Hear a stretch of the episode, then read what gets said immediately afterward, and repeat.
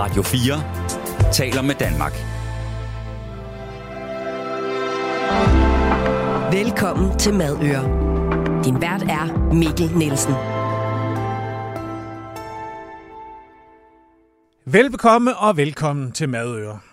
Dit gastrofoniske hiccup, hvor vi smager og snakker om alt det, som vi bare ikke kan få nok af. I dag skal vi ud i naturen. Vi skal snakke udlængsel, gastronomiske opdagelsesrejser og forhåbentlig også byde på et par gode tips og tricks. I de næste 55 minutter skal vi være i fantastisk selskab med et madøre af de helt store. Min gæst har været her før, men vi nåede ikke engang halvdelen af programmet, så derfor aftalte vi at lave en par to. Så endnu en gang velkommen til dig, Nikolaj Kirk. Tak. Velkommen til Madøre. Det er dejligt at være tilbage. Dejligt. Nikolaj, hvad går du og laver for tiden? Øhm, altså det, ja, men hvad går jeg at lave? Jeg tror, må jeg ikke starte med, hvad jeg lavet i dag? Jo, hvad Altså det? bare fordi, det synes jeg er meget sjovt. Øhm, jeg er i gang med at lave et, øh, et saltkøkken for børn. Salt. Køkken for børn. Øhm, og jeg ved ikke, hvor det lander, men, men jeg skal til Tyberon øh, senere på året til en øh, festival om salt blandt andet, men egentlig bare om Tyberon, tror jeg. Eller ikke bare, men om Tyberon. Ja. Og det er noget med Tyberon, ligesom jeg tror det er Læsø, at der er nogle, øh, er det salt, øh, salt nede i undergrunden, ja, ja, og så- saltminer, eller jeg ved ikke. Og men Læsø har de der syde salt. Ja, det så der er et eller andet, de. der binder dem sammen. I hvert fald, det, der er noget der, men, men der er også noget med, at hvis der ikke var den salt i undergrunden, så vil Tyberon synke ned i Vesterhavet og forsvinde. Og det vil man gerne huske øh, Danmark på. Okay, at, øh, ja, ja. Uden salt ved Tyberon, så kom der måske ikke fisk til os alle sammen. Øhm, så det holder vi en festival om. øhm, og der har jeg en eller anden idé. Da jeg var lille, der kunne jeg godt lide at se øh, Jørgen Klevin. Mm. Og, og Jørgen Klevin, han sad jo der, som jeg husker det, ved træbord, sikkert laminat, og med noget karton og noget limstift, og en saks med orange håndtag. Altså sådan, øh, ja. ja. Der var, det, var ikke, det var ikke så fancy. Nej, så var der et kamera opfra, og så så man tit bare hans hænder, og så sad han selv og nynnede. Nemlig. Ja, ja, ja. Nemlig, og jeg tænker, så tænker jeg, hvad skal vi gøre her? Vi skal have fat i en masse fisk, altså små fisk. Det kunne være små sild, og dem, der hedder smelt, og altså alle de der små fisk, vi måske sådan har glemt en lille smule. Så laver vi, det ved jeg ikke, 100 meter langt bord med fisk i kæmpe bunker, og øh, så skal de lave sådan noget saltdej, altså sådan noget, det der minder lidt om trylledej, ja. som børn kan lide at lave. Det er jo salt og vand og en lille smule mel, man blander sammen. Og så kommer ungerne op med deres øh, familie, og så siger vi, øh, Nå, hvad skal Egon lave? Jamen, han skal i gang med en smelt, eller han må selv vælge faktisk, ja. om det skal være en smelt, eller om det skal være en sild, eller hvad, en arbor, jeg ved det ikke. Øhm, og så skal han pakke den ind i salt. Men inden han gør det, så er min idé, så skal han måske, altså inde i, i salten, der skal hele fisken ligge, og den skal ind i gløderne. Mm-hmm. Men han kunne jo godt sådan gå videre på bordet, og så ligger der bunker af blæretang og øh, sådan noget sø, havtang, og måske ligger der knuste muslinger, og, altså skallerne, ja? og øh, brændenælder fik jeg at vide, det vokser der ikke ude ved Tyborgen. Så det bliver det ikke. Nej. Men, men, men sådan et, et, et laboratorie ja. af alle mulige mærkelige ting, som øh, lille Egon så tager lidt tang og lidt knuste muslinger og, og, og et par skåle til sin dej, og så går han i gang med at røre den her saltdej, og så skal han, så skal han prøve at finde ud af, skal den ligne en fisk? Altså, den skal pakkes helt ind i den der dej der. Yes. Eller skal det blive til en lille, lille slange, havslange? Eller, det må han selv finde ud af, og lave øjne og klippe ører og sådan noget. Når han så synes, der er et mesterværk, og så tager vi hele den der fisk og smider ind i gløderne og, og bager den på 10 minutter, tror jeg. Og så får han den tilbage sammen med en kæmpe hammer.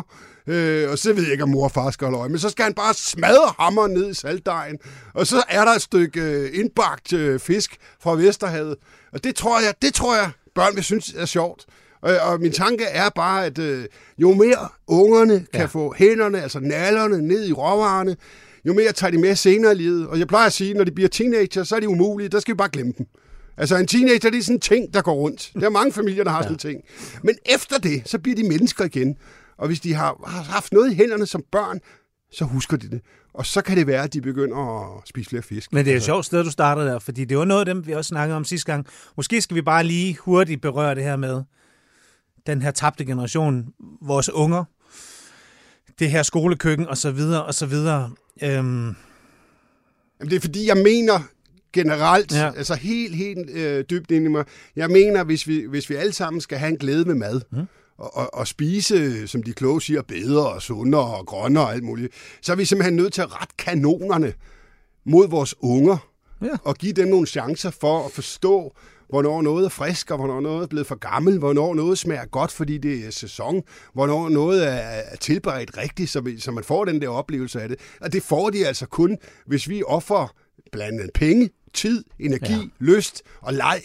Så, så, så finder vi en generation, som så kan de jo selv købe nogle bøger eller et eller andet, finde ud af, om de vil lære at lave en risotto med trøffel på toppen eller et eller andet. Det skal jeg jo ikke blande mig i. Nej, nej, men det er starter mere- med det, saltfisk. Det starter med saltfisk Ja. ja. og et køkken. Og noget eller, eller Jørgen Klevin, Ja. ja. som, hvor de bare hygger sig, ja. og hvor det vælter forhåbentlig ind med jyske familier, som øh, øh, kaster deres unger ned i bordet og, og råber, de skal lave sådan en fisk. Og der er du at finde i Tyberon til sommer, Ja, det er det. Er. og står og, og, og salter den derop. Og, Ja, ja. Det kan også godt være, at det ender, for det har jeg ikke fundet ud af. Det kan også være, at vi sammen skal lave Danmarks, måske verdens største indbagte saltfisk. Det ved jeg. Det kan også være, det ender der. Jeg, Ja, jeg ligesom, når du ikke fik lov til at lave den her kæmpe skumfidus, vi snakkede om, da I lavede jeres børnekogebog, Ja, det så kan være, at du skal lave ver- verdens største saltdej med smelt. Ja, et eller andet. Altså gigantisk. Altså, så det ved vi ikke endnu, Nej. men det er derimellem, vi laver. Ja. ja. Fedt. Så det er det, jeg laver lige nu. Altså. Nu sagde du selv lige Læsø, og jeg læste faktisk, øh, fordi vi talte jo netop om, øh, det hedder ikke husgærning, det hedder madkundskab, Madkundskab. i den danske folkeskole, at, øh, ja, det snakker vi om i det første program. Hvis man ikke har lyttet til det første program med mig og Nikolaj, så går man jo bare tilbage og henter det der, hvor du henter din podcast. Men der talte vi netop også, at øh, om det her med at inddrage børn, især i den danske folkeskole. Og en ting, som jeg lige læste her til morgen, det var, at man på Læsø skole nu faktisk har lavet en øh, frokostordning, hvor de får varm mad, i stedet for madpakker. Man har fundet pengene på, øh, i det kommunale budget, 500.000. Der går så også kun 140 elever på Læsø skole, det ved jeg godt. Men øh, det er en venstreborgmester, og vi har fået en ny fødevareminister, der er også er venstremand. Er det her et breaking point? Jeg kan sige, at der er en indbydelse på vej fra Madøre til vores nye fødevareminister. Ham skal vi selvfølgelig have ind og snakke med i programmet i 23. Men hvad tænker du om øh, sådan skolemad? Men Jeg, jeg tænker generelt, at, øh, at øh, jeg, tror, jeg tror på den lange bane ville det være meget, meget sundt, hvis flere skoler kunne servere mm. et måltid mad, varmt eller koldt, til, til de elever, der går der. Øhm, men, men det er jo ikke ligegyldigt, hvad de serverer. Altså det, det er ikke bare et flueben at sige, nu serverer vi varm mad. Ja, ja, altså hvis de serverer dybstegt øh, kylling med pomfritter og ketchup, så, så er madpakken måske stadigvæk bedre. Mm. Men hvis man gik ind i det, og ligesom, og måske også tog noget læring ind i det, så det må- måske var ungerne, der på en eller anden måde på skift var med til at, at, at få produceret det her mad, som man så spiser sammen på en eller anden måde, mm. så, er det, så er det en rigtig god ting, fordi man får for det første får man læring, man får måske også øh, nogle af de familier, der har lidt travlt og ikke får lavet en rigtig madpakke, dem Ja. får man måske alligevel sørge for, at deres barn får noget mad. Og så får man noget helt andet, som man ikke får med en madpakke. Man får selvfølgelig noget, du, noget duft ind i lokalerne, og, og så kunne man arbejde med, hvordan man spiser det sammen øh, på kryds og tværs, så det ville måske give noget fællesskab, som vi heller ikke ser. Men, men, men det er bare sådan, at det bliver nødt til at også at skuffe lidt og sige, det er, jo, det er jo en kæmpe drøm for sådan en som mig, at, øh, at øh, 100% af alle skolerne lavede skolemad i et skolekøkken. Og lave mad til hinanden? Ja, og men problemet er bare, i rigtig mange større byer i det her land, øh, der ligger skolerne i gamle bygninger, presset ind mellem andre bygninger, og, og der kan man ikke bygge sådan et køkken. Blandt andet på grund af arbejdsforhold til de medarbejdere, der skal gå der. Der skal være vinduer og luft og sådan noget. Så, så enten så skal vi til at modernisere en masse skoler ret kraftigt, Ja. øh, og ellers så skal vi måske tage det over i taber, hvor vi, og det tror jeg, man allerede er i gang med, som jeg kan huske, hvor man ligesom udvælger nogen og gør dem til madskoler, og så stille og roligt får det rullet ud. Fordi ja. jeg tror, det, det, det er en lang, lang, lang proces, men, men det vil være en mega, mega, mega interessant vej at komme derhen. Men derfor kunne vi jo godt løfte den generelle sådan, hvad kan man sige, stand af de danske skolekøkkener og madkundskab, ikke? Jo, jo, men, Altså, det, det er jo men for mig er det to forskellige ting. Ja. Altså, øh, man kunne godt integrere dem sammen mm. på den lange bane, men lige nu så er det to forskellige ting. Altså, mm. der, der er selve læringsforløbet i, hvad hedder det, madkundskab, Ja, for jeg, hjemkundskab. jeg har fået så mange klager. Det, husgærning, det hedder det i hvert fald Nej, det gør det ikke. Det kan men, jeg- men, men selve faget der, altså Ja. det, det er jo et fag, hvor, hvor en klasse kommer og, og får noget instruktion til madlavning og råvarer og hygiejne og alle de ting. Ja. Øh, og det ved jeg ikke, om skulle blande sammen med at producere mad til en hel skole. Men altså, det, det, det kan man jo finde ud af. Men, øh, men, men det er to vigtige øh, trin, og begge, begge, begge steder trænger til et løft. Men havde man sådan ubegrænsede midler, den perfekte skole, ikke? Altså, så kunne man godt se, hvordan man kunne binde det hele sammen, ikke? Forskellige klasser ned projekt med, øh, med øh, lave menuer og sælge det og rydde af og rengøring og så videre og så videre, ikke? Jo, jo. Sådan et helt system, ikke? Hvor, hvor, hvor børn laver mad til børn, ikke? Ja, fuldstændig. Det vil være, det vil være øh, helt magisk. Men altså, det,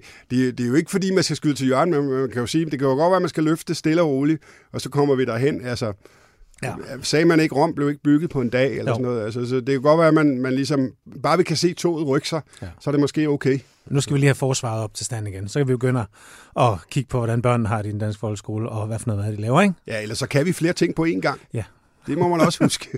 Vi spørger fødevareministeren, når han kommer ind. Du lytter til Madøer på Radio 4. Nak og æd. Hvor er vi der? Jamen, vi er godt i gang med at producere den, øh, den øh, kan man sige, sæson, som skal komme. Det er vel til sommer på et tidspunkt. Øhm, og Hvor? vi er øh, sådan så småt på vej til, til Grønland, der har vi været før. Mm. Øhm, vi skal op til Umanak, øh, og vi skal på noget sæljagt. Øh, Har, har I skudt selv før? Nej, det har vi ikke. Øh, Så selv den er simpelthen... Øh, Øh, ja. Jo, vi har, vi har skudt det, der hedder en klapmys, som jo er en form for sal med en lidt mere stort firkantet hoved. Øh, har vi skudt for båd, i, øh, men det var på Svalbard. Okay. Og den her gang, så skal vi efter noget andet øh, i Grønland. Jeg ved ikke engang, jeg må sige det, men nu gør jeg det bare. Det er ligegyldigt. Så, Ja, må, de, blive, så må de blive sure over Ja. dødstjernen. Øhm, men, men, men, men krybesejl er jo den gamle fangstmetode, ikke? Hvor, man, Yes. øh, hvor man laver det der øh, øh, lærred foran sig på en ramme, hvidt lærred, som ligner en, øh, skal ligne en isklods. Og så lægger man sig under med riften, og så trækker man sig stille og roligt frem. Sælen ligger lige ved siden af sit hul, eller ved, ved der, hvor, hvor storisen er brudt. Og så ligger den i solen og holder lidt øjne, og så falder lidt i søvn, så rykker man sig lidt mere, og så arbejder man sig stille og roligt ind. Det, der er vores problem i det her, fordi et almindeligt øh, sådan krybesejl, det er måske en meter gang me, eller meter gang 50, eller sådan lidt mindre, Ja, ja. Øh, måske som en rude. Der kan godt ligge en Ja, enkelt mand. Ja, men vi er jo ligesom fire-fem mand, der skal afsted, så vi Ja. er ude i at bygge et, øh, et, øh, et krybesejl, som skal være to- 2,80 i bredden, og så er vi i gang med at prøve at også se, om det kunne være fedt at lave sådan nogle, ligesom sådan en, en tegneserie, hvor det bliver sådan nogle spidser, der går op hen, sådan at det ligner et isbjerg. Fordi det skal også være 2 meter 80 højt. Altså 2 meter 80 bredt, 2 meter 80 høj, og så bliver det spullet op på sådan nogle pæle, vi har med fra Danmark, fordi der er jo ikke nogen træer, vi kan fælde op. Og så sætter vi det op, og så kryber vi alle mand stille og roligt hen mod sælen. Så der er dig og Jørgen, Der er mig og Jørgen, en tilrettelægger, en kameramand, ja, noget og lyd så- også. Nej, der er ikke nogen lyd. Det er fotograf også, Ja. lydmand, ikke? Men, men der er jo også selve øh, Ah, ja. øh, hjælperen, Ja. altså øh, fangeren deroppe fra, øh, som, som skal med, ikke? Så, så øh, det er nok det største krybesejl, der er set i, øh, i Vestgrønland i nyere tid. Tror du, det lykkes? Nej, Nej. nej, det kan det ikke. Det er da så dumt, som det overhovedet kan være. Altså, øh, den sæl, den er jo ikke blind. Altså, den kan da godt huske. Der stod der ikke et isbjerg derovre for fem minutter siden, og så flytter isbjerget sig. Altså, nej, den smutter der i vandet, mand. Det gør den da. Hvor har I ellers været hen i den nye sæson? Har I noget, I har optaget? Ja, det har vi. Øh, vi har været i... Øh, ej, det bliver sgu så skidesur over i den dødstjerne, hvis jeg siger det. Men øh, vi har været i øh, Zimbabwe. Ja. Ja. Ja. Noget fedt? Ja. Jamen altså, jeg må ikke må sige ikke. det. Jeg må ikke sige det. Jeg kan sige, at vi har, vi har været på jagt efter nogle dyr. Ja. Du Ja. har et hus i Zimbabwe, har du ikke det? Nej, det er, det er Zambia. Åh, det er Zambia, undskyld. Ja. Det, er- men det var jo, øh, de har jo ligget sammen nærmest. Det Ja. var Rhodesia i gamle dage. Okay. Men ja, men det er, det er langt okay. Okay. Men der har vi været nede før jul og lave noget. Det, det, øh, jeg, jeg, jeg Hvad tror... filen kan man skyde dernede? Hvad kunne det være? Er Ja, hvad kunne det Hvad være? kunne det være? Noget antilopeagtigt? Noget, noget i den dur? Nej, Nej. Er det rovdyr? Nej. Jo, Nej. nej. nej. Du virker ikke... Du har sådan et... Du, Det er fordi, det er to mærkelige dyr. Du kan ikke gætte dem. Det tror okay. Jeg simpelthen ikke på. Det er, det er to fantastiske dyr. Det ene dyr er så grimt, så grimt, så grimt, så grimt, som man tror det er. Den er grim fra hale til hoved. Og det andet dyr øh, er et dyr, som vi øh, øh, er begyndt at se i Danmark, øh, men kun i grusgrave. Jeg må ikke sige, jeg må ikke. Nej, nej, nej, nej, Jeg, jeg kan, sidder jeg bare- må ikke. nej, jeg, jeg, hvad, det skal jeg, jeg ikke. kaldt op på... Øh, Fordi jeg elsker programmet, hvad vi hedder skulle hun, nødig- øh, Rons kontor Maria Ron, ja. øh, på tredje sal. Ja, og så skal jeg have bukserne af og have smæk med eller spand, tror jeg. Ja. Det, det er sgu ikke sjovt. ved du hvad? Jeg ser programmet, når det kommer. Og hvad med Jørgen? Han har det også godt. Han har det også fantastisk godt. Noget, Øh, øh, noget nyt mellem ham og jer, øh, eller er det sådan lidt samme opskrift, eller er der noget nyt i programmet, madmæssigt, øh, jargon, udfordringer, noget I skal teste, prøve, smage? Ja, nej, jeg skal lige tænke. Altså, nogle af programmerne er jo allerede optaget for et halvt år siden, så Ja. mit hoved er jo... Øh, lige nu er jeg Du meget er, du er i Typerund. Nej, jeg er i, øh, jeg er i Umanak lige nu, Ja. og også fordi, jo, vi skal bygge en, øh, det glæder mig meget til. Det er 10 år siden, vi har gjort det nu, øh, noget i den stil. Vi skal bygge en rigtig svedhytte af plastikstykker, øh, og så stenklodser, og så skal vi, øh, jeg, jeg er ikke helt, det er noget med, at Jørgen vil putte øh, flade sten ind i, øh, ind i øh, trang, sådan en trank, jeg kender det sådan en, Ja, øh, ja. der har vi jo lavet sådan en ekstra ring, man kan sætte oven på trankagen. Mm. Så kan man stille en endnu større gryde op, uden uh, trankagen brænder sammen. Og der vil han fylde gryden med flade sten, altså fylde den helt op, og så en lille smule vand i. Og så giver han den fuld knald, siger han. Og så lå på, og så skal den ligge der i to timer, altså til stenene nærmest eksploderer. Og så vil han gå ud i kulden, det er minus 30, når vi er der, så vil han gå ud i kulden til den der øh, plastik-chibi, vi har bygget. Øh, og så vil han tyre sten ind i den der, og så skal vi gå på farefødder derinde og se, øh, hvad der sker. Det glæder jeg mig til. Jeg ved ikke, hvad, hvordan, men det er, der er noget fedt med, med svedhytter og nøgne kroppe, der skal ud i sneen og rulle rundt, og så varme sten. Øh, Jeg tror, det går rundt Jeg tror, det bliver en fest, det der. Det tror jeg også. Nikolaj, hvad laver man med, med sæl? Er du allerede sådan, altså tænker du allerede det nu? Hvis vi nu skyder den der sæl, hvad, hvad pokker laver man så? Ja, det, øh, det forbereder jeg mig selvfølgelig Ja. ja. på. Øh, og jeg... Øh, der er det med Grønland. Øh, ikke hele Grønland, men hvis man tager til Nuuk, for eksempel. Ja, jeg har aldrig været der. Nej, sådan men hvis man tager til Nuuk, Ja. så er, har der i de sidste mange, mange, mange år været minimum tre eller fem thai-restauranter med thai-mad. Ja. Øh, og, øh, øh, og før i tiden, så var der jo, øh, du, der var ikke sådan en italiensk og en kinesisk og sådan. Det var bare thai-mad eller fine restauranter. Det var sådan set nogenlunde det. Øh, så der er et eller andet med, at man deroppe rigtig godt kan lide thai-mad.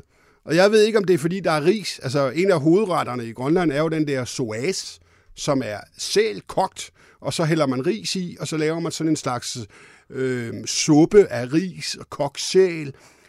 Man kan komme lidt løg i og sådan nogle ting. Øh, jeg ved ikke, om det er det, der gør, at man ligesom, den har man jo spist i 100 år, om de så, der de så møder øh, det her thai-køkken med, med ris til og sådan noget, så, og så den der, de der tynde sovse, man kan blande ris i og sådan noget, men om det er det, den forelskelse, der kom.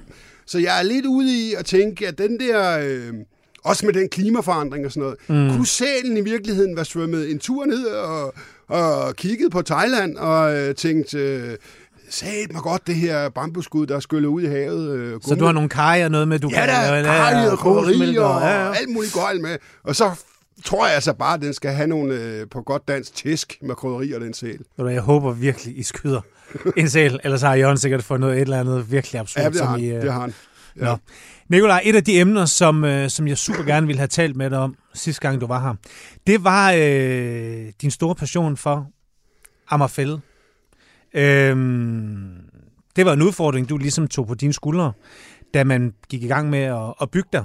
Øhm, jeg tror egentlig, mange oplevede sådan lidt anden side af Nikolaj Kirk. Sådan lidt mere seriøs, sådan lidt mere politisk. Øhm, men kan du ikke tage os lidt med tilbage til hele den del af, af dig og, og hele den her jo. Sag omkring. Jo, jo. Vi er nok nødt til lige sådan, sådan at, at starte fra begyndelsen, ja. Hvis, hvis vi skal have alle med. Ikke? Også Jo, folk, der jo. sidder i Tyberøn og på Læsø. Ikke? Jo. Jeg tror, vi, Øhm. øh, vi kan prøve med sådan en makiterning, hvor det koger lidt ind, eller sådan noget, Ja. for det er faktisk en lang sag. Ja. Eller først vil jeg sige, det er jo ikke mig, der har øh, kæmpet sagen alene. Nej, nej. Det er en masse folk, øh, hvor jeg har givet et bidrag øh, med det, Ja. jeg kunne. Ja. Øhm, og Men som man- en offentlig stemme fyldte du ja, en del. Jo, jo, jo, jo. Men, men ikke så beskeden. Jeg vil sige, jeg vil sige for cirka syv år siden sidder jeg øh, en tidlig morgen ude på min altan. Jeg har en lille bitte altan med en kop kaffe og en pibe, og så læser jeg i øh, den lokale, at nu vil man til at bygge på det, der hedder Amagerfællet. Det ligger sådan om bagved der, hvor jeg bor. Jeg kan ikke se det over. Jeg ser, kigger lige ind i en politiskole. Der er nu også festligt. Mhm. Mm-hmm. Der sker meget, især når der er fodboldkampe. Brøndby FCK, så er der helt fyldt op. Men, men jeg læser så om, øh, om det her, og jeg tænker, det er godt nok dumt, at man... Øh, Altså man på den ene side som politiker og magthaver øh, taler om, hvordan vi skal passe på vores natur og øh, passe på de dyr og altså, siger, at øh, mange arter er ved at gå tilbage og sådan noget. Og så, hvis man så kigger på den by, jeg bor i, som er København, så må man også bare sige, at der er næsten ikke noget grønt tilbage til de borgere, der bor her, 600-800.000, mm. som bor i det, der hedder København K, ikke? Øh, eller Københavns Kommune, så synes jeg bare, det er sådan lidt dumt, at man ligesom ikke passer noget bedre på det, fordi det er jo nu engang sådan, at når man, når man først har bygget, så er naturen væk. Ja. Øh, og hvis man kigger i København, øh, så er der jo kun et sted, hvor man kan tage sine unger med ud og opleve øh, viber og lærker og ynglende skovhornugler, sågar rådyr midt inde i København. Øh, altså store salamander, lille salamander, grønfrø, butsnudfrø, spidsnudfrø, stenpikkerfugl, bønkefugl, hvad de hedder alle sammen. Der er kun et sted. De, var, de bor og lever ikke på Rådhuspladsen 27 vindblæste træer, som de har sat op Nej. og kaldt en byskov. De er kun på Amagerfældet. Og jeg tror i virkeligheden gælder det for rigtig mange mennesker, der sidder et eller andet sted i Danmark, når de sidder i deres stol og kigger over, ud over det sted, de bor, at de sidder og undrer sig over, hvorfor det forsvinder. Når vi nu alle sammen er enige om, eller i hvert fald langt de fleste af os, mm. er enige om, at vi skal passe på det. Og derfor blev jeg sgu lidt ar i, øh, i sindet og tænkte, nu må jeg skulle prøve at hjælpe til. Og så mødte jeg op til et, et drøntrist borgerforeningsmøde øh, øh, i det, der hedder Amager Fælles Venner med Øh, jamen, der øh, folk sad og hang med hule, mulerne og sådan noget. Så blev vi sgu enige om, nu, øh, nu rettede vi ryggen, og så gik vi til angreb. Øh, og så besluttede vi os faktisk for at prøve at fortælle en historie om, hvad det er, man mister ved at bygge. Mm. Øh, og så tog vi art for art, beskrev dem og fortalte om dem, sådan ligesom for at sige, det er det her, der i virkeligheden er det rigtige. Fordi på den anden side, der havde vi jo selvfølgelig øh, et stort byggeselskab, som hedder By og Havn, som styrer mange byggerier i København. Vi havde nogle politikere, som havde taget nogle beslutninger, som jo havde en fortælling om, at, at det, var ikke, det var ikke så slemt at bygge på det stykke. Nej. Og der var vi jo nødt til ligesom at prøve at fortælle folk, øh, det, det, det, der er også en anden side. Altså, der er, der er vilde, fantastiske arter lige der, hvor I vil bygge. Og så skete der det, at vi, øh, vi fik faktisk stoppet det første byggeri på Amagerfældet. Det blev lukket og screenlagt. Øh, overborgmesteren på det tidspunkt, Frank Jensen, gik ud og sagde, at, øh, at nu havde de lært en lektie, kan man sige. De, de havde forstået, at den natur var vigtig, og den var faktisk næsten vigtig på national plan. Ja. Lige præcis det, fordi den var så gammel. Okay, så først det blev sådan set lukket ned, og man meldte ud, vi skal ikke bygge på fældet, eller hvad? Ja. Så skete der så det, at man så alligevel synes, man skulle bygge på Amagerfældet. Øh, der så var noget efterfinansiering fra noget metro eller noget, der skulle lykkes? Eller der, er noget, der er noget... Altså det, der er problemet, er, at man har brugt pengene i by og havn til blandt andet at investere i at bygge noget metro. Og det mener nogle politikere, at den gæld skal betales med natur. Altså, når man er politiker og magthaver, så øh, er der jo forskellige redskaber til at, at, at komme i mål med et eller andet. Men lige i det her tilfælde, der var det så naturen, som skulle betales med, altså til byggegrund. Så derfor gik man ud, og så fandt man et nyt sted, lige ved siden af, 400 meter fra det gamle. Ja. Og så kom næste runde, hvor vi igen skulle se nogle øh, instanser, øh, som jo lovede gulde og grønne skove. Hvad er det, der skal bygges der? Lejligheder og bolig? Der skal bygges, øh, mener det er 2.000 eller 2.500 øh, boliger. Nogle af dem almene, og, og nogle af dem øh, private. Ja. Der skal bygges, øh, jeg tror, der skal bygges noget skole og nogle forskellige ting. Altså, i virkeligheden skal der være øh, små 5-6.000 mennesker der. Og det er jo, det er ikke helt Kataminde, men vi er tæt på. Altså, det er en bydel, som man vil placere midt inde i Københavns ja. mest ja. sårbare natur. natur. Ja. Og der er det, vi jo prøver at sige, prøv at høre venner, altså, I går ud her som, som, som, som dem, der bestemmer, og så siger I, at I kan ved at bygge naturen væk, skaffe mere biodiversitet. Det er 100% greenwashing af værste skuffe, vil jeg næsten sige. Man, det kan, man, altså man kan, selv et barn kan gennemskue det. Man kan ikke bygge 2.500 boliger oven på natur, fjerne naturen, komme bygninger ind, og så bagefter skabe levested for flere arter, end der var der før. Altså højne biodiversiteten. Det, det, er, det er lige før, jeg tror, en høne vil kunne se det. Men er det argumentet? Det er et af argumenterne. Argumentet er jo selvfølgelig også, at vi er nødt til det. Øh, der er nogle penge, der skal betales tilbage, det er bare for at sige, lejligheder. Ja. Den kamp, vi så går ind og tager nu, hmm. er jo også at fortælle dem, især dem, der bestemmer, fordi at man kan jo altid lave en politisk beslutning om, hvis man har lyst. Det har man gjort mange gange. Men, men noget af det, man heller ikke har taget højde for, det er, at man placerer en kæmpe bydel i naturen. Men man har ikke undersøgt, hvad trykket vil gøre ved områderne omkring. Altså, det er ikke sådan, at 7.000 mennesker kun bliver på matriklen. Nej. De laver tryk mange, mange hundrede meter rundt om, og det vil koste på, på nogle af de arter, som, som er særlige for det område. Og nogle af de arter, som helt forsvinder fra Amagerfældet, det er jo sådan noget som viben, som er en fantastisk fugl. Den, øh, den har det sikkert meget godt mange steder i Jylland, men, men er man københavner, og man vil se ynglen vibe, så var det lige præcis der, hvor de vil bygge. Det går ud over vores skovhornugler, som i Københavns Kommune kun yngler et sted. De sidder, jeg kan ikke sige præcis, hvor de sidder, fordi så kommer der alt for mange mennesker derud, men de sidder 25 meter fra byggehegnet og kigger ud over deres gamle jagtmark, hvor de fløj ud hver aften hele sommeren igennem for at fange mus, rotter og frø og hvad de nu ellers tager, mm. for at flyve tilbage til deres unger. Og det er nu engang sådan med uler, kan de ikke få mad til deres unger, så forsvinder de. Ja. Og det er jo bare to arter, som, som, som bliver presset. Og det, det er noget af det, som vi synes... Men er at, det ikke et argument, der er let at forholde sig til som, som bygherre og som politikere eller så videre? Altså, hvor er vi lige nu henne? Altså, altså lige nu er ta- sådan, taber vi? Altså, taber altså, du, lige, eller taber nej, naturen? Lige, lige nu er, allerførst synes jeg lige, det, det er ikke sikkert, at bygherrer skal forholde sig til det. Nej. Bygherrer er bygherrer. bygherrer. Men jeg vil mene, politikerne skal Politikere. forholde sig til mm. det.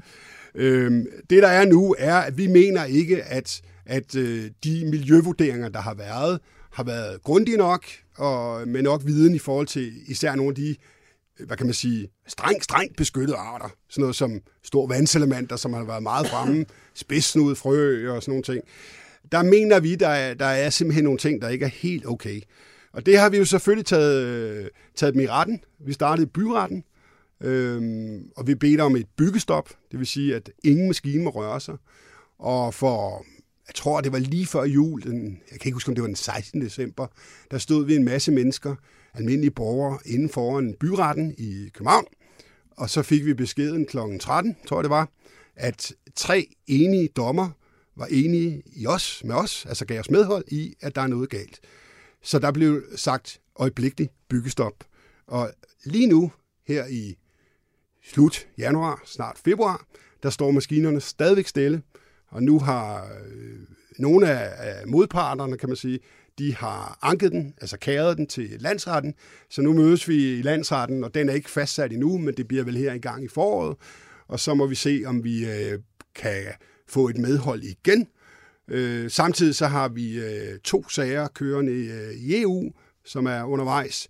Blandt andet en overtrædelse af vores, øh, hvad kan man sige, bilasarter, altså de der spidsnud frø. Mm. Øh, og det er en lidt længere proces, så det kan være, at den først bryder ud i 24 eller måske 25 dage i EU. Det tager noget tid.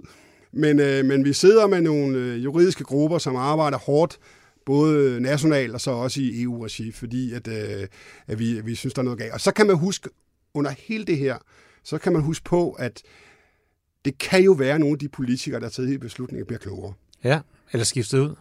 Eller kommer ny til. Ja, det, det kan også være, at man, man, man så sammen kan sætte sig ned og sige, mm. Når nu vi ved, at københavnerne er bagud på, øh, på, på grund af fælles natur, mm. øh, så er det måske uklogt at tage mere. Når nu vi ved, hvad natur i nærmiljøet gør ved mennesker, altså i forhold til stress og bare det at kunne gå en tur og få noget grønt. Når nu vi ved, at samlet Danmark er bagud, at det går skidt for arterne, er det så ikke på tide, at ikke bare staten, men kommune for kommune går ind i den her kamp? Altså, kan, kan man tillade sig at sidde i Københavns Kommune og være ligeglad og sige, det må de klare over i Varde? Mm. Altså, det, det mener jeg ikke. Ja. Jeg mener, hver eneste kommune ja. må komme ind i den her sag og kigge på deres grønne områder og sige, dem her er vigtige lige her, hvor vi er. Det kan godt være, at der er mange viber i, ude ved Vesterhavet et sted, ja. Men i København er der kun lige her. Og hvis, hvis Viben ikke skal gå tilbage, så skal vi alle sammen jo passe på den. Hvad betyder naturen for dig, siden du er så passioneret? Der er jo en politiker gennem dit der. Det kan jeg jo høre. Nej, det er der ikke, fordi øh, politik, der skal man jo, øh, det, der får man ikke sin vilje. Nej.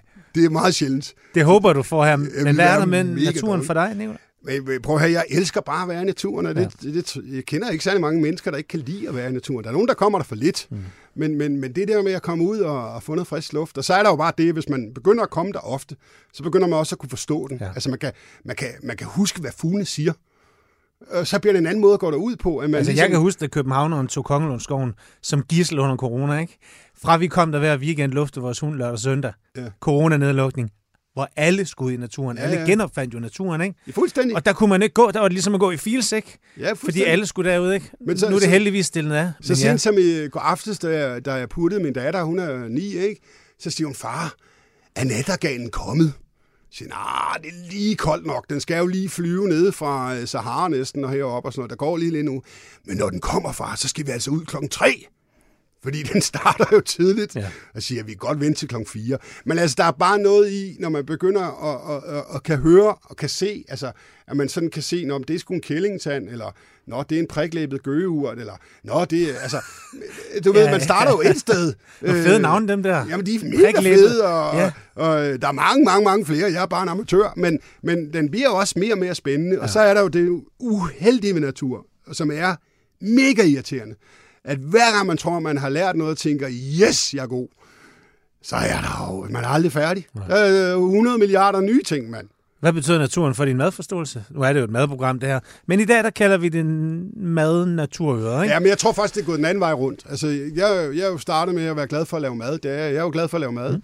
Men jeg tror igennem alle de år, hvor man har fået øh, varer ind, øh, ind i køkkenet, altså alt fra øh, fiskene, skaldyrene til grøntsagerne til, øh, hvad kan man sige, til Viberne.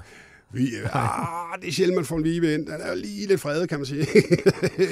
Den går nok ikke. Men, men det der med at få en masse varer ind, mm. og stå og kigge på dem, og begynde at læse lidt på dem, og hvor, hvor bruger den egentlig henne, og hvad spiser den, og kan man bruge det, det til at lave mad på? Altså, øh, er det interessant, hvad torsken spiser? Altså, kunne det blive til noget på tallerkenen? Det bliver måske til, at man finder, hvad, hvad, er, der, hvad der ellers er planter i havet, eller hvad, hvad, hvad, hvad er sådan en mark? Altså, Nå, det er en monokultur, hvor der kun vokser gulerødder. Hvad er der ved siden af den, og hvad, hvad er det for nogle planter? Kan de spises, eller kan de ikke spises? Og hvad gør de gavn, og er de overhovedet vigtige? Nå, de, de er værtsplante for en eller anden insekt, som kommer der og kan ja. kun være der. Og hvor, hvorfor er den vigtig? Jamen det er, fordi hvis den insekt ikke er der, så er der måske ikke den fugl, der sidder deroppe og venter på. Altså, det, jeg tror bare, det er kommet sådan, du ved, trillende ind Ja. på en eller anden måde. Men kommer det også tilbage, når du har været en tur på fælleden, stået op klokken umenneskeligt tidligt, og kommer hjem? Er, kommer der også noget ins- inspiration til, hvad der... Ja, det ved jeg ikke. Det gør i hvert fald, at jeg holder øje med årstiderne. Ikke? Mm. Altså, fordi hvis man bor i en by, så kan det nogle gange være lidt svært at sige, hvornår er det blevet forår, og er det sensommer og sådan noget. Men altså, ved at komme ud i den, så holder man jo lidt øje med det. Jeg tror mest det er det. Men jeg tror, jeg bruger det, jeg bruger det jo rigtig meget til. Jeg kan godt lide at tage billeder. Ikke særlig god til det, men jeg synes, det er mega hyggeligt. Oh. Øh, men det er jeg ikke. Men jeg synes, det er mega hyggeligt. Og så er det jo en virkelig fed egoistsport. Øh, fordi man gør det bedst alene. Øh, og sådan langsomligt. Altså, man, man finder et sted, man tager ud og måske undersøger, hvor går den rev, hvis man gerne vil lave nogle billeder af den. Øh, og hvad tid er det på? Øh, så prøver man at undersøge, kommer den over i det hjørne af, af den lille sø klokken, det ved jeg ikke, 6.30 hver morgen? Jamen, så kan man prøve at sætte sig derned klokken 5 og sidde og vente på reven, kommer forbi. Og, altså, Okay, så du har meget tid, hvor du kan sidde inde i hovedet og tænke over alle mulige ting, øh, både med arbejde og fritid og sådan noget. Og det synes jeg er... Jeg kan ikke lide ordet terapi, fordi det bliver sådan noget, men det, øh, ja, det er bare fedt. Ja. Det er jo super populært, det her med at sanke og det her. Er der noget på sådan fælleden, der er værd at gå ud og finde og spise og tage med? Og, Ja, eller, altså, øh, eller må man? Altså, jeg må ikke opfordre til noget. Altså, jeg, jeg, jeg plejer faktisk ikke øh, opfordre til det på den måde, fordi øh, jeg Så tænker... kan 800.000 københavner ja, lige hurtigt i revs... Øh, Jeg tror nu... Altså, der er jo, øh, der er jo øh, hulens masse brumbær, som vokser overalt, og Ja. ja. de, øh, de er næsten en plage, kan man sige. Der er masser af æbler, vilde æbler, og mirabella i forskellige farver, og masser af ramsløg og løgkarse, og hvad de ikke hedder alle sammen. Øh, og så øh, er der et sted, hvor der er en masse spiselige morgler. Masser af morgler. den tager vi lige... Den er kun øh, et sted, øh, og den holder jeg altså... Øh, jeg, jeg plukker dem ikke selv. Jeg kigger bare på dem hver år. Mm. der er simpelthen et morgel sted på fælleden. Yep, det er der. Der er kun et sted. De vokser kun et sted. Det er... Jamen, det er, øh, det er vel øh, 100 gange øh, 80 meter bredt eller sådan noget. I det område. Kun der. Kun der, og der er mange. Jeg vil næsten sige, de er store og fede, fordi der kommer jo ikke så mange plukker. Prøv lige at smide os en ret med morgler. Nå, prøv lige at forklare, hvad, hvad morgler er, og så prøv lige at kaste din yndlingsret med morgler. Jamen altså, og jeg har det svært med morgler, altså forstået på den måde, at øh, det er jo, øh, man plejer at sige, at det er den næst dyreste svamp. Ikke? Altså Ja. trøflen er nummer et, og så kommer morglen bagefter. Jeg tror, det der er med morglen er, at, øh, jeg, skal, jeg skal lige prøve at forklare det. Altså jeg er ikke fan af, særlig fan af friske morgler. Nej. Jeg synes, de smager for lidt. Øh, så jeg kan godt lide at tørre dem, for jeg synes, når morgler bliver tørret, så får de den der bund, som ja. morglen har. Sådan, hvad kan man sige, sådan tung, dyb, fuldstændig fantastisk smag. Efterårsskov, ja, noget det, det der. Ja. det er ikke jordet, men Nej. det er sådan, det er sådan helt sin egen smag. Yes. Og hvis man, hvis man nu havde sådan en, øh, en god kylling, der havde gået ude og blevet rigtig dejlig og sådan noget, så ville det jo være fantastisk at hugge hovedet den, og måske tage nogle af vingespidserne og noget af benene, og, og bruge de her knogler i en, i en gryde, og så hælde urter på, og vand på, og øh, laverbær, peberkorn og hvidløg, og så koge sådan en god, kraftig fong af det, ikke? Og så, øh, så koge den lidt ned. Og så vil jeg tage nogle, øh, bløde nogle øh, af de tørrede morgler ud, øh, så de er godt bløde. Mm. Så vil jeg riste en lille smule smør. Øh, så kan jeg ikke rigtig beslutte mig, om vi skal hælde lidt vin på og koge væk, eller om vi... Det, det, det ved jeg ikke. Det kan man selv beslutte. Men så hælder man den der indkogte hønsebouillon på, og koger den kraften ned. Og hvis det er sådan en dag, hvor det regner, så kan man jo godt lige vælte en halv liter piskefløde ned i. Altså, det kan man godt. Kan man godt. Øh, det kan man godt. Og så koge lidt ind. Måske en lille smule timian, der er hakket. Og så den der kylling, der bare er stegt helt gylden, saftig, med salt på, på skinnen, der er helt gylden og sprødt. Og så bare skære det der kylling i, i, i store stykker og lægge på en tallerken, og sådan ordentlig... Øh, hvad kan man sige, en ordentlig, øh, jeg vil sige nærmest grydeske af de der morgelcreme, der bare vælter ud over. Og så kan jeg godt lide, altså, hvis man havde knoldcelleri, og så bare øh, vaske det med sådan en, en køkkensvamp groft, og så bare lidt olie på, altså olivenolie og lidt salt og peber, så bare ind i ovnen 130 grader indtil det mørt. Det er nok fire timer. Og så bare knalde toppen af den med en kniv, grave det lidt ud, det der møre og selleri der er inde i, og så bruge noget smør, hælde ned i det, så man får sådan en bagt øh, selleri. Øh. Altså for selleri har jo det der med, at det er forfærdeligt, hvis det er råt. Ja. Altså det er meget, det, man kan godt lave noget med Men det når råt. det er mørt, får det søde. Så var det søde med dybde, mand, og så bare tage, grave sådan en kæmpe mm. skefuld ud med klumper og det hele, ja. så bare klasse den ved siden af, og så lidt, måske lidt persille, det ved jeg ikke. Og så, så spis det.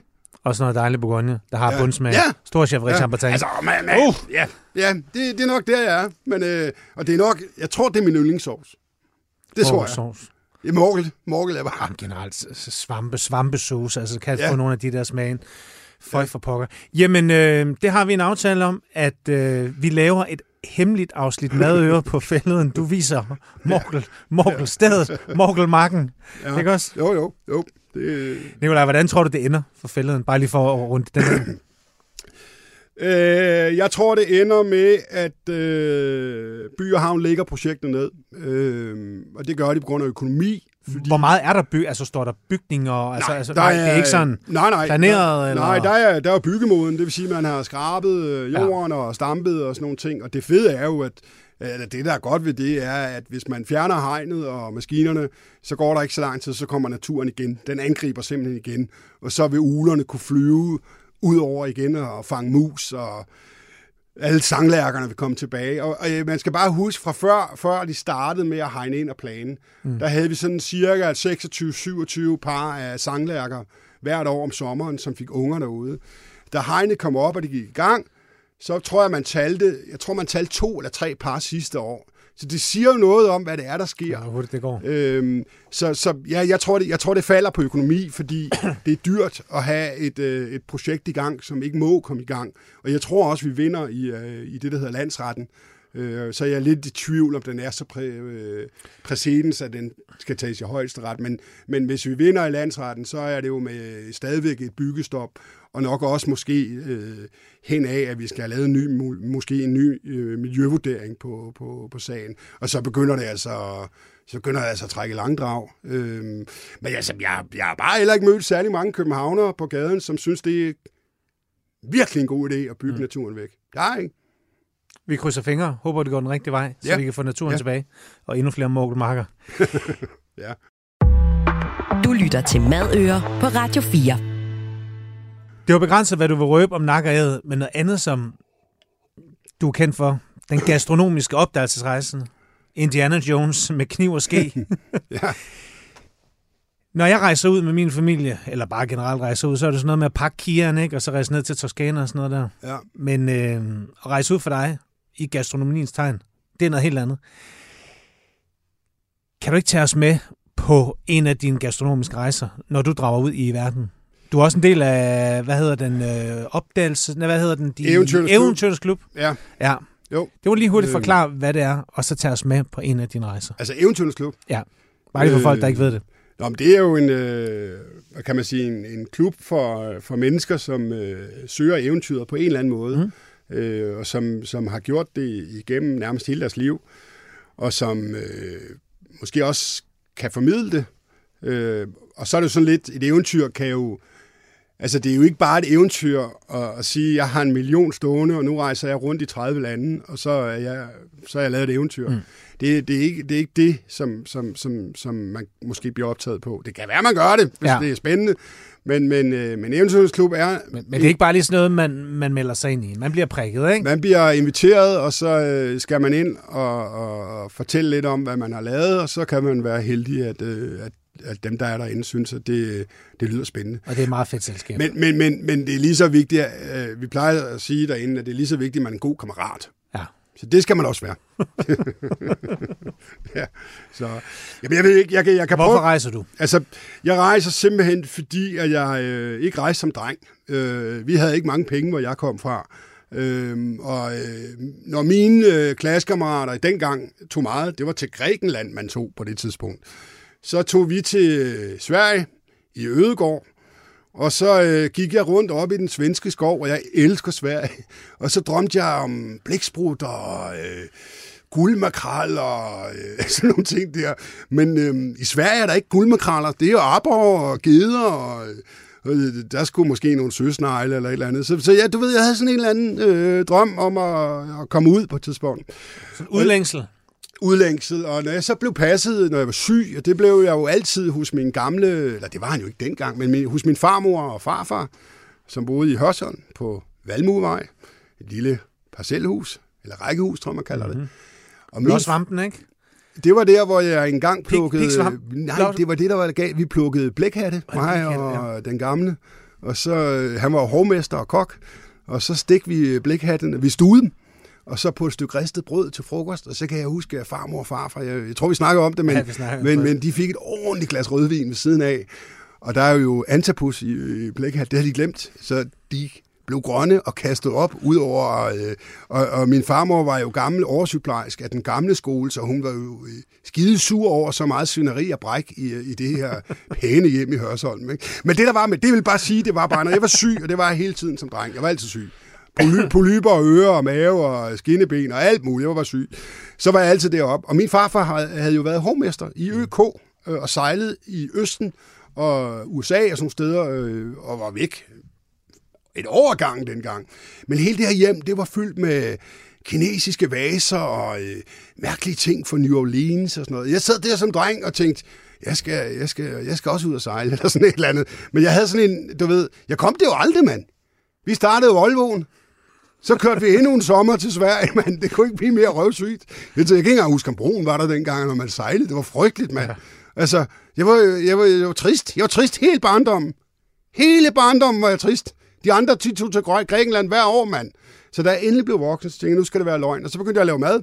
Og så fandt jeg ud af, at man, laver, man spiser åbenbart på hele planeten. Ja. Det gør man. Øh, men så ved jeg ikke, så begyndte jeg at kigge på det. Og måske var det også en proces af, at jeg var træt af at lave sådan noget restaurationsmad. Altså sådan noget lidt fint tallerkenmad. Jeg synes, det blev mere og mere spændende, det der med, hvor, hvordan, hvordan, hvad, er der, hvad er der for nogle teknikker? Hvordan bruger man dem? Og hvordan lever man af det, der er omkring en? Og sådan nogle ting. Og så begyndte jeg at rejse ud. Kan du huske din første rejse, hvor du bare virkelig tænkte, wow? Øh, åh, ja, jeg, men jeg tror, min første rejse, hvor jeg tænkte, wow, det tror jeg faktisk var til Grønland. Okay. Øh, men jeg, jeg var der ikke øh, på, på den måde. Jeg, var, jeg skulle op og lave øh, undervis i, i sådan finere øh, Københavns madlavning. Det er mange år siden. Det lyder det også som. Ja, det er det. Og det var i Nuuk. Og jeg kan huske, at jeg kom derop, og jeg havde lavet en eller anden fancy menu med masser af grøntsager og sådan noget. Ikke? Og jeg kan huske, at jeg sådan, øh, der var fem forretter, fem hovedretter og nogle desserter og sådan noget. Jeg stod ude i køkkenet og tænkte, det spiller det her. Og så begyndte gæsterne at komme, og jeg lavede jo det der dukkehusmad med ingenting på tallerkenerne, og to dråber sovs og sådan noget. Så kom tjeneren tilbage helt bleg i hovedet og sagde, jeg skal have ekstra bestilling på kød og sovs. Så skyndte jeg mig at lave ekstra. Da, da der var gået et par timer, der, jeg har aldrig fået så mange lusinger i køkken før. Jeg tror, jeg havde 80 af sådan nogle ekstra sædler, hvor der bare stod ekstra sovs, ekstra kød, ekstra sovs, ekstra kød. Det var overalt, mand. Jeg gik, jeg gik i søvne med, med Marit hele den nat der, for jeg fik så mange tæsk. De forstod det slet ikke. Nå, men så næste morgen, jeg var så ked af det, så gik jeg rundt i uh, Nuuk der. Så gik jeg ned på noget, der hed Brættet, jeg havde hørt om. Øh, og så kom jeg ned på Brættet, og Brættet er jo det sted, hvor de lander øh, øh, sæler og... Øh, hvad kan man sige, øh, fuglevildt og hårvildt og alt muligt fisk og ting. Altså, så stod jeg dernede, så fandt jeg nogle små fugle. Jeg har aldrig set dem før, jeg har ikke hørt om, de hedder søkonger. Så stod jeg og kiggede på de her små søkonger og tænkte, de, de er mig billige. Jeg tror også, jeg give 7 kroner per søkong eller sådan noget. Øh, så de er jo fuldstændig ligesom duer, tænkte jeg. Det er, det er jo mega billigt. Jeg sætter duer på i aften. Så gik jeg, købte jeg, jeg kan ikke huske, jeg købte 80 eller sådan noget. Jeg købte helt vildt mange. Og så slæbte jeg dem op i, i bæreposer øh, for brusen, eller Pacificvik, tror jeg det hedder. Øh, og så kom jeg op, så flåede vi alle de der fugle for fjer og ting og sager. Og de stod og kiggede på mig, de andre lokale i køkkenet. De tænkte, han er sindssyg om det her. Så skar vi brysterne af og lov, og jeg var klar til at kunne pandestege bryster, og jeg havde givet loven lidt i ovnen og sådan noget. Så skulle jeg til at lave sovsen af alle skrovene, og så brunede jeg sov, øh, skrovene og sådan noget. Og så, så begyndte der bare at stinke af fisk op af gryden. Altså helt sindssygt meget af sådan noget øh, ja. øh, skidtfisk ja. nærmest, ikke? Ja. Jeg tænkte, det sagde mig ikke duer, det her. Altså, men jeg havde jo, jeg havde jo skrevet duer på kortet. Altså, jeg bare solgte det som duer. Jeg tænkte, det er der ingen, der kan se. Nå, det må man ikke. Det må man ikke, undskyld. Men det, det er lang tid siden. Det er over 20 år siden, så det er forældet. Ja, det var en anden tid. Det var en anden tid. Sige. Det var en anden tid. Ja. Dengang. men, men så stod jeg lidt der, det var jo et kæmpe problem. Så tænkte jeg, så tog jeg, gik jeg ind til tjener, så tog jeg syv flasker rødvin. Jeg var en skidesur, og han synes, det var dyrt. Så sagde jeg, at jeg skal gøre et eller andet. Så jeg hældte syv flasker rødvin på og kogte det helt ind. Og kalvefonger, og hønsefonger, og jeg puttede alt muligt på. Den var helt lilla, den sovs, da den var færdig. Jeg, Men... jeg, stod der, jeg skammede mig hele aften, da, fordi det smagte jo simpelthen bare fedt. Fordi de spiser fisk. Ja. Ikke? Det, det gør duer ikke. Og det sætter sig helt ud. Det sætter sig overalt, mand. Også i kødet. Også i kødet. Det sætter sig overalt i det der.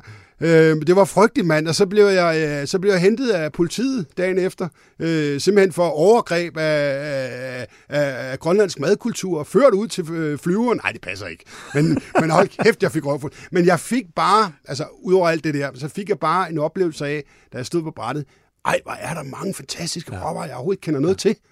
Altså, og som jeg ikke aner, hvordan skal tilberedes eller gøres, eller noget som helst. Og så tænkte jeg, det må jeg tilbage til. Og så tog jeg til Grønland igen, og begyndte at og snakke med nogle af dem, øh, der ved, hvordan man skal lave det. Ja. Øh, og begyndt at koge med dem og stege og sådan nogle ting. Men turen er også tit gået ud på til sådan naturfolk og stammer, har du været ude og besøge? Ja, ja men, men, men, for mig er det jo det er også tit, jeg begyndte at læse på, på jordovne øh, på et tidspunkt, og så fandt jeg ud af, så jeg synes det var sjovt, at, at på Hawaii har de jo en jordovn, en luhav. Men, men har det altid været maden, der ligesom har bestemt, vi skal ud og finde det der, vi skal ud og finde det der, vi skal se det dyr, vi skal smage den der rod, eller det der...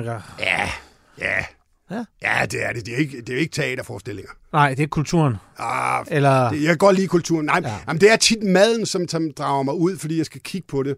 Og det er sådan en blanding af, at jeg kan bruge det bagefter, og min nysgerrighed kan ikke lade være. Vel? Men jeg kiggede på jordovne, mm. og så fandt jeg ud af, at man, man i, i Hawaii har man jo den der luhav, som er nede i jorden. Altså man tager et svin, det er der Hawaii-pizzaen kommer fra. Ikke? Man tager et svin, et skovsvin, det er sådan en lille svin, og så putter man ananas ind i maven på den, fordi der er nogle enzymer i ananas, som gør øh, det der seje ah, kød yes. helt mørt.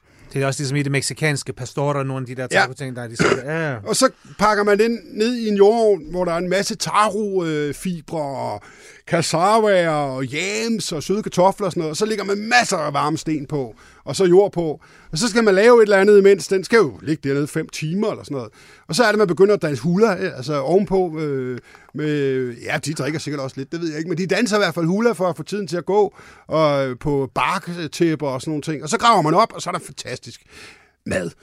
Men, men det har man jo også gjort i vikingetiden. Mm. Der var det bare øh, skrabbeblade, eller hvad det hedder. Og det har man også gjort i, øh, i Afrika. Altså, ja. øh, øh hvad hedder det, sandfolket nede ved, ved, ved Namibia, de, de graver ned i sandet. Og, og så begyndte jeg at læse på, på jordovnen på Papua Ny Guinea. Og der laver de nogle jordovne, som er nogle gange 500 meter lange. Og da jeg fandt ud af det, så tænkte jeg, at der er der kun et sted, jeg skal kigge efter jordovnen. Det skal der være på Papua Ny Guinea. Jeg skal da se sådan en ovn. 500 meter, mand. jeg kan slet ikke forestille mig, hvordan det ser ud. Så fløj jeg til Papua Ny Guinea med min øh, kokkemarker Mikkel, Øh, det var ikke så gennem, gennem øh, planlagt, øh, men vi ender, vi ender i øh, Eastern Highland, som det hedder, i en stor by, der hedder Goroka, og så går vi rundt og skal have fat i et fly. Så finder vi et bønnefly, altså sådan en, der flyver med kaffebønner øh, og, og, og missionærer. Kaffebønner og missionærer, åbenbart. God blanding. Et god blanding. Og så fik vi overtalt, at vi kunne tage med ind og flyve ind til den stamme, som vi havde hørt laver sådan nogle ovne, altså jordovne. Øhm, og jeg, vi sætter os ind i den der... 500 meter, det må være en kæmpe stamme, Det- eller er det giraffer, Jamen, de det ligger ned? Ja, men, det, men vi kommer i hvert fald ind. Det, er- det, det er meget bøvlet, fordi at flyet går i stykker, inden vi øh, går op i luften. Øh, og den stopper igen, og han går ud og ruder lidt, og så siger han, nu virker det, så flyver vi op igen. Og så siger han lige pludselig, jeg kan ikke få dig hen. Der er simpelthen, altså Papua Ny Guinea er jo sylespidse øh, bjergtinder med dis over det hele. Så nogle dage, så pakker det sig så meget, så man kan ikke bare flyve. Så vi bliver sat af to dages mars fra, fra den stamme, vi skal til, og så begynder vi bare at gå derud af. Øh, men vi kommer frem, og så skal vi i gang med at... Og, altså, jeg, aner, jeg kan huske, at vi kommer op til stammen. Jeg har aldrig mødt dem før. De taler ikke dansk eller engelsk. Ingenting. Øh, og der er helt tomt, helt tomt op på det her plateau. Ingen mennesker. Der var sådan nogle øh, søjlehytter overalt. Og så siger jeg til Mikkel, jeg tror lige, vi sætter os lidt her på øh, den fine græsplæne øh, foran øh, parcelhusen, inden vi var ved ind, fordi jeg kender dem ikke. Så sætter vi os der, og så begynder der at komme sådan nogle hoveder frem, sådan øh, med brede næser og øh, vildt hår og alt muligt. De kigger, og de ser skidesure ud. Jeg tænker, shit, det var alt det her. Så tænker jeg, jeg tænder en pip. Pip er fred. Altså, det hedder en fredspipe. Mm-hmm. Så jeg tager min pipe frem og putter noget tobak i, og så begynder jeg øh, at tænde den her pipe, og så vælter det frem med unge og gamle, og de griner og peger og griner og peger, og så kommer der sådan en gammel dame hen og tager, hiver pipen ud af munden på mig, og så begynder hun at bappe på den, og så griner hun og sender pipen rundt. Så tænder din pip. En ordentlig, øh, øh, ved du hvad en chubang er? Mm-hmm.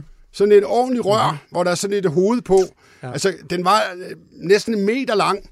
Så propper de bare tobak i og tænder op og øh, hyler og skriger, og så giver de mig den der chubang der. Og jeg, jeg, jeg er jo helt... De, de er overalt. Altså med spyd. Jeg er helt, jeg er helt lamslummet. Så jeg tænkte, jeg må sgu nok ryge. Så røg jeg en ordentlig chubang, og jeg, jeg, jeg kan simpelthen ikke huske, hvordan jeg kom videre ind i den her lejr. Jeg var, det er helt snoret rundt. Altså, det var... Kamskæv. Jamen, det var sådan noget øh, Ja. vild tobak. Mm. Altså, det var ikke øh, forarbejdet og sådan noget. Jeg hostede tre timer. Nå. Men i hvert fald, så bliver vi enige om, øh, efter nogle dage, at de vil gerne vise os øh, sådan en jordovn, og også hvad de bruger den til. I gamle dage var det sådan, at, at øh, der er over 1000 stammer på Papua Ny Guinea. Altså forskellige stammer. Og en stamme har sit område og sin boplads. Og bopladsen er jo altid et sted, hvor der er frugtbar jord, så man kan så afgrøder eller høste afgrøder. Så skal der være rindende vand, så man har noget at drikke, og der skal være god jagt. Og når man har boet et sted længe nok, så er det ligesom om, at deres jord bliver udpint. Ja. Øh, jagten skal man længere og længere væk, og det er ikke så, så øh, effektivt øh, som familie at bo sådan et sted. Så man er simpelthen nødt til at flytte, og de er svære at finde. Så det har altid været sådan blandt de her stammer, at det er jo nemmere at kigge over, hvad tilstand naboens boplads er i, og så gå til angreb, end det er at finde en ny. Ja, tak. Så øh, når det er, ligesom er under optakt, så øh, begynder man nogle steder, sikkert ikke overalt, men der, i det område, jeg var, så begynder man at snakke med hinanden og sige, prøv at høre, vi har altså tænkt os at komme over og sige hej til jer. Øh, og det gør vi nok øh, her omkring, eller sådan noget. Og så bliver man enige om, at det kommer til at ske, øh, og det, det må aldrig ske øh, før solopgang og efter solopgang. Der er sådan nogle gyldne regler. Mm. Øh, så begynder man sim- simpelthen samlet at lave sådan en kæmpe jordovn, altså grave gigantisk jordovn, alt efter hvor store stammerne er, og hvor mange stammer. Det kan jo godt være flere stammer, der angriber på én gang for at få fat i bopladsen. Det kan godt være tre folkeslag, der vil have den samme boplads. Så så bygger man kæmpe en, og så fylder Til- man...